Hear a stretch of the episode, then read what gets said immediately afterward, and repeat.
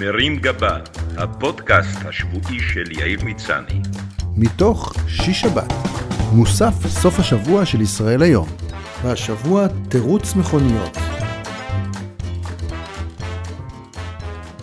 כולנו נחשפנו בשבועות האחרונים לספורט הלאומי של התקופה, המצאת תירוצים במחסום בסגנון חופשי. ענף שבו הנהג הישראלי נעצר מול שוטרים במחסום ומנסה להסביר להם למה זו לא הפרה של הסגר. למשל, שמותר לו לנסוע כי הוא עובד בעבודה חיונית, למרות שקשה לראות למי העבודה כמחבק עצים חיונית בדיוק, כולל לאקליפטוס המחובק עצמו. המציאות המיוחדת החזירה לשיח הציבורי את נושא התירוצים המלווה כל אחד מאיתנו מאז שהיה ילד. היום ננצל את הקאמבק של התירוצים כדי לעשות קצת סדר, לחלק את התירוצים לכמה קטגוריות ולתת רעיונות לתירוצים חדשים שיוכלו לשמש אתכם בעיתות צרה. בפרפרזה על המשפט היצירתי של יורם לס לפיו הקורונה היא שפעת עם יחסי ציבור, אפשר להגיד שתירוץ הוא שקר עם יחסי ציבור. לחילופין אפשר לומר ששקר הוא פשוט תירוץ חלש שלא הצליח לתפוס בצד השני. אולי בגלל שתירוץ הוא שקר שמסופר באופן יצירתי יותר, הוא נהנה מתדמית משופרת. בניגוד לשקרן שנתפס כמילת גנאי, קשה לחשוב על פוליטיקאי שיטיח ביריבו שהוא תרצן, מילה שנשמעת חמודה ומתאימה יותר לתיאור של תפוח בלי חרצן. תירוץ טוב כדאי לתכנן מבעוד מועד ולא להשאיר לאלתור של הרגע האחרון. אם הגעת למחסום והשתמשת למשל בתירוץ הפופולרי אני גרוש ומעביר את הילד לאימא שלו, רצוי לידע את הילד במושב האחורי מבעוד מועד כדי שיגבה אותך, ורצוי שהאישה לא תהיה במכונית ותחזיק לך את היד בחום. גם אם תנסה להגיד שזו אשתך השנייה, זה עדיין לא מסביר למה היא נוסעת איתך לאישה הראשונה, אלא אם במסגרת הסכם הגירושין אתם עושים משמורת משותפת גם עליה. אם השוטר יסתכל בתעודות הזהות שלכם ויגיד שאתם לא גרושים, תוכל להגיד שעוד שבוע בלי לצאת מהבית אתם באמת תהיו כאלה, אבל גם זה כנראה לא יעצור את הקנס. אם הלכת על הקלאסיקה של אשתי קורעת ללדת, רצוי שבאותו רגע האישה שלידך לא תצחקק בטלפון עם חברה תוך כדי שהיא מעשנת סיגריה בג'ינס צמוד. בניגוד לביטוי טובים השניים, לא מומלץ להשתמש בכפל תירוצים באותה עת, כי אחד עלול להחליש את משנהו. אני בדרך לקבל חיסון וגם נוסע להביא אוכל לסבתא שלי, יוצר חוסר אמינות, אלא אם הסבתא עובדת בפייזר. התרכז בתירוץ אחד חזק ואמין ודבוק בו. התירוצים בדרך כלל מתחלקים לקטגוריות. כשאינך מגיע לעבודה למשל, יש סיכוי שתשתמש בתירוצי בית. הצינור התפוצץ, חיכיתי לאינסטלטור, תיקנתי את הצינור בעצמי, חיברתי אותו בטעות לכבל חשמל, חיכיתי לחשמלאי, חיכיתי לשמיים. בתירוצי משפחה, אשתי ילדה אתמול, הילד מקיא, או תירוצי תחבורה ומזג אוויר. נתקעתי בפקק באיילון, היה גשם, טבעתי עם המכונית באיילון וכולי. מבוגרים נתקלים בדילמה האם לשקר לשוטרים במחסום על יד ילדיהם. ילד ששומע את אביו מספר לשוטר שהוא רופא, למרות שהם בסך הכל נוסעים לדוקטור לק או לדוקטור ג'וק, עשוי בטווח הארוך להפסיק להאמין לאבא. מצד שני, כל ילד ישראלי כבר שמע את אימא משקרת תוך כדי שירת נומי נומי מדי לילה עם השירה אבא הלך לעבודה, יביא לך מתנה. למרות ששניהם יודעים שאבא רואה עכשיו הצינור, בסלון, ותוקע פיצוחים, והמתנה היחידה זה הקליפות שהוא ישאיר לאימא על הרצפה. חשוב גם להיערך לשאלה הנוספת של השוטר אחרי הלאן זה. אם אמרת אני עובד בחברת חשמל, השוטר עשוי לבקש לראות אישור עבודה, או שישאל באיזה תפקיד. הקיטור, אם היית רואה את החשבון חשמל שלי, היית יודע שאני חיוני לחברת חשמל לא פחות מהעובדים, חביבי, אני מפרנס אותם, רק עשוי לעלות לך בעוד אלף שקל. אם אתה במכונית ומתכוון להגיד שאתה מבצע ספורט יחידני, יש מצב שהשוטר יתעקש לברר אז למה אתה במכונית? והתשובה, גם מרוץ מכוניות זה ספורט יחידני, לא צפויה להתקבל.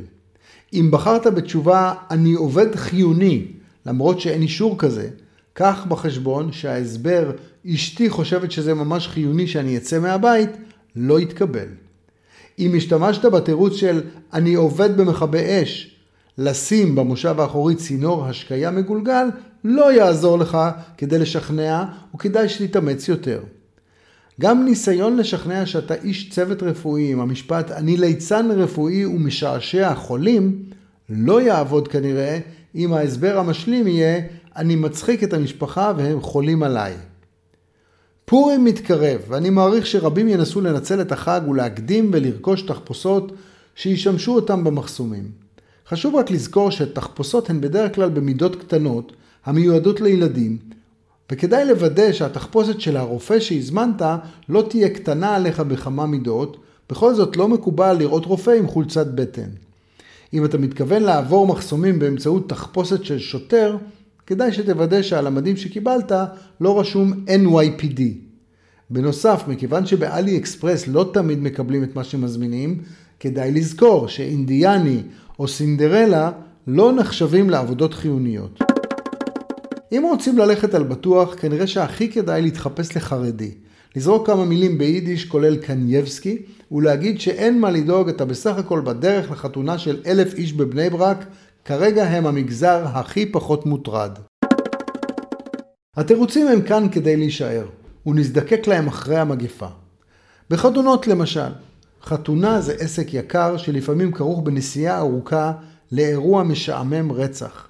הכי טוב להגיד כמה שיותר מוקדם מראש, שבתאריך הנ"ל תהיה בחו"ל, במילואים, או שאתה בדיוק מקבל דוקטורט בהרווארד.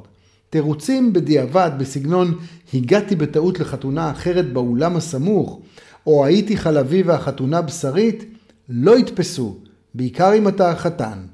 אין צורך להיות כן יתר על המידה. והתשובה, הבנתי שלא שווה לי להשקיע בכם, הרי תוך שנה גג תתגרשו, לא יתקבלו יפה. חשוב להתאים את חומרת התירוץ לגודל האירוע, ולכן, אם לא הכנת שיעורי בית בבית הספר, כדאי להסתפק בקלאסיקות קלות כמו הכלב אכל לי את המחברת, או הייתי חולה ויאניב לא נתן לי את השיעורים. ולא להיסחף לסבא שלי נפטר, או גילו אצל סבתא שאריות של שניצל בלבלב.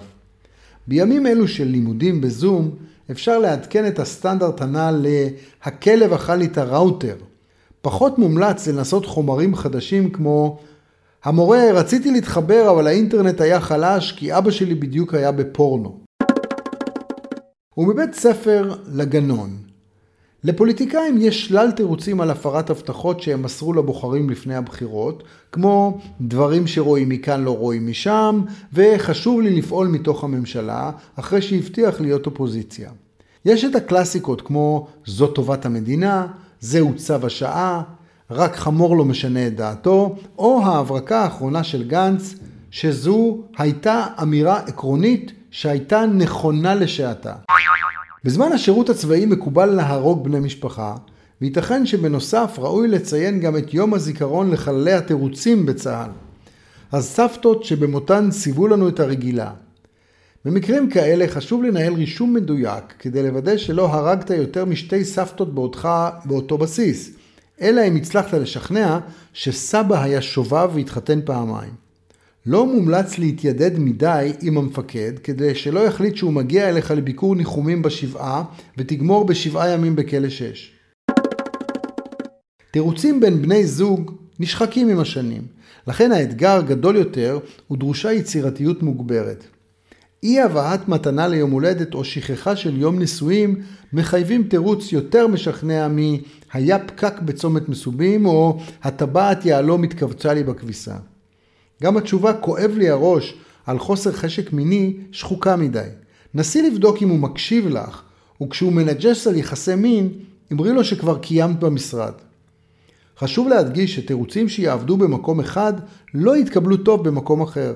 לא מומלץ להגיד במס הכנסה שהכלב אכל לי את ההצהרת הון, ואם תנסה להסביר לשוטר תנועה אמריקאי שאתה עובד בחברת חשמל או כל תירוץ מחסומים אחר, סביר שבתוך שנייה תמצא את עצמך עם אזיקים וטייזר שיעשה לך חברת חשמל באשכים. מרים גבה, הפודקאסט השבועי של יאיר מצני. מתוך שיש שבת, מוסף סוף השבוע של ישראל היום.